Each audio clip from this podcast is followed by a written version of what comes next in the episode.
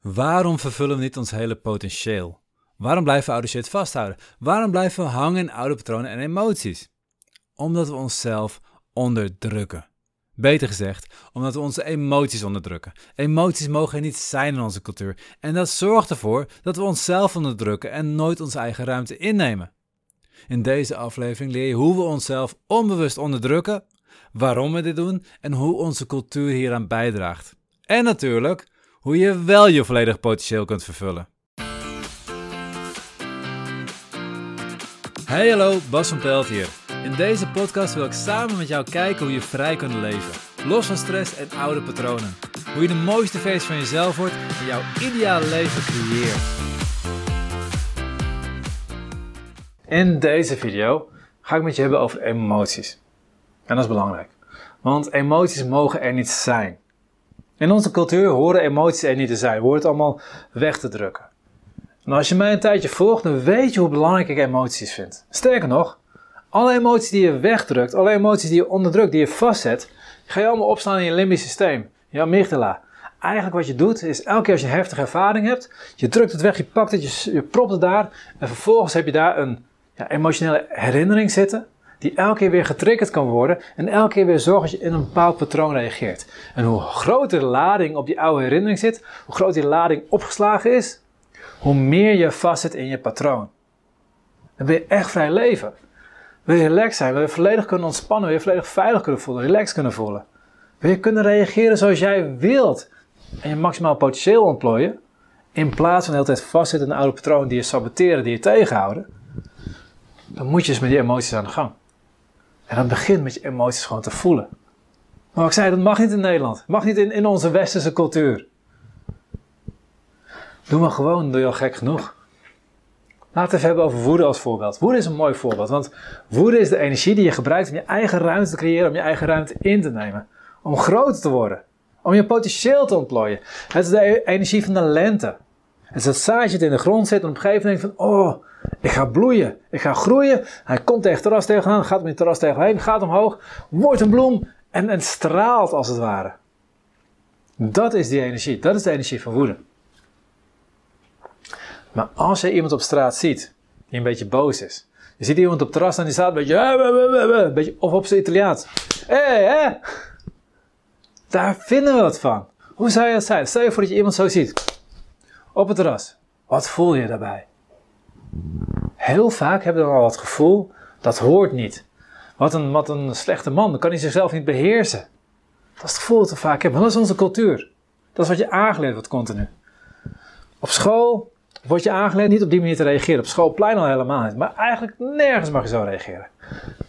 Maar ook nog ietsje erger. Stel je voor, staat niet een man die staat er zo, maar een vrouw staat zo. Hé, hé!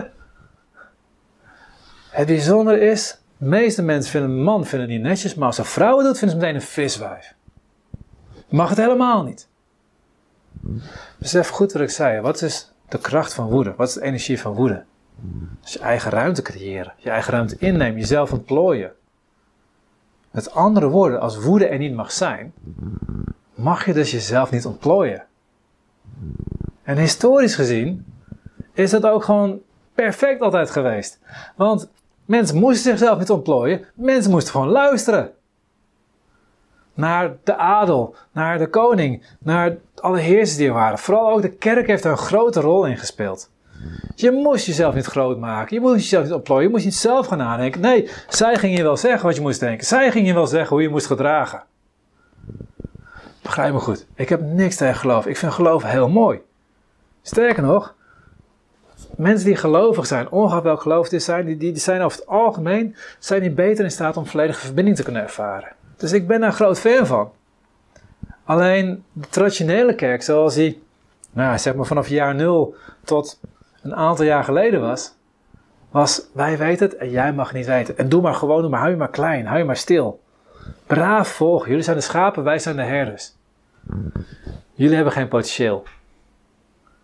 Jullie hebben geen potentieel, jullie zijn klein. Dat is het idee wat erachter zit. En het probleem daarvan, zo'n systeem creëert, dan creëer je eigenlijk, ja, als ik het wat groter trek, een slavernijmentaliteit. Kijk naar Amerika. 50 jaar geleden, nog iets langer geleden, was nog heel duidelijke apartheid was er daar. Zwarte moesten achter in de bus zitten. Ze mochten niet, niet, niet voor in de bus zitten. Zulke rare gedachten allemaal. Bizar. Martin Luther King stond op. Die was boos. En dat is het gave. Dat is een mooi voorbeeld van hoe boosheid hoort te zijn. Hoe woede hoort te zijn. Wat de energie, wat de kracht het is. Martin Luther King stond op. Hij zei, ik heb een droom. Ik weet dat het anders kan. Ik zal zorgen dat het anders wordt ook. Dat is de positieve energie. Dat is geen agressiviteit. Het is geen gewelddadigheid. Nee. Het is energie. Een beweging. Een visie. Een beeld. Hij was volledig geweldloos. Hij heeft zichzelf in elkaar laten slaan. Hij heeft in een gevangenis gezeten. Zijn gezin werd bedreigd. En hij bleef oproepen tot geweldloos protest. En dat is woede. Ik heb een video gemaakt over je ruimte innemen. Als je dit ietsje volgt, dan, uh, als het goed komt nu is I hier in beeld staan. Volg die video even. Ga je leren hoe je ruimte kan nemen. Er zit ook oefening bij hoe je echt voor jezelf die ruimte kan ervaren. En dan ga je merken dat ruimte innemen gaat niet ten koste van anderen. Nee. Het is alleen, je bent met jezelf bezig. Je bent niet met anderen bezig. Je bent met jezelf bezig. Maar dat is wel woede. En omdat wij dat niet mogen zijn in onze cultuur, houden we onszelf klein. En dat is heel handig voor de mensen die het wel doen. Want die kunnen ons een beetje klein houden. Maar om eerlijk te zijn, zij houden je niet klein. Niemand houdt je klein. Je houdt jezelf klein. En het is bizar dat in onze cultuur dat vrouwen zichzelf nog meer klein moeten houden dan mannen. Dat bij hen nog meer onaangepast is als ze hun woede mogen voelen. Weet je, er is een verschil tussen boos zijn en boos voelen. Boos zijn, dan, hebben we al meteen zo'n associatie bij dat ik thuis sta, tegen mijn vrouw sta te schreeuwen, ik sta wat borden te gooien naar haar, zijn naar mij. Dat is niet gezond. Boos voelen is wel gezond. Mijn allereerste ervaring dat ik echt boos gevoel, en dit is namelijk een emotie waar ik zelf ook heel veel moeite mee heb gehad. Ik ben heel beschermd opgevoed. Dus ik heb altijd geleerd om mezelf niet te laten zien, om mezelf klein te houden. En nu ben ik bezig om mezelf steeds groter te maken. Beter gezegd, ik ben bezig om steeds meer mijn volledige ruimte in te nemen. Ik ben mezelf niet groter aan het maken, ik ben mijn eigen ruimte aan het innemen. En voor de eerste keer dat ik echt mijn woede kon ervaren, was ook tijdens een sessie, kwam ineens mijn oude herinnering, mijn oude emotionele ervaring, en ineens kon ik hem voelen. En op het moment dat ik hem kon voelen, kwam het los.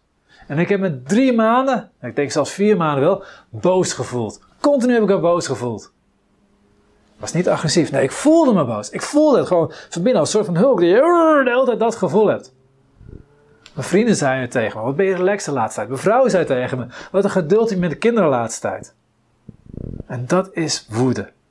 Woede is dat dat zaadje in de grond zit en op een gegeven moment denkt, ik ga groeien, ik ga bloeien. Die gaat omhoog, die komt tegen het terras tegenaan.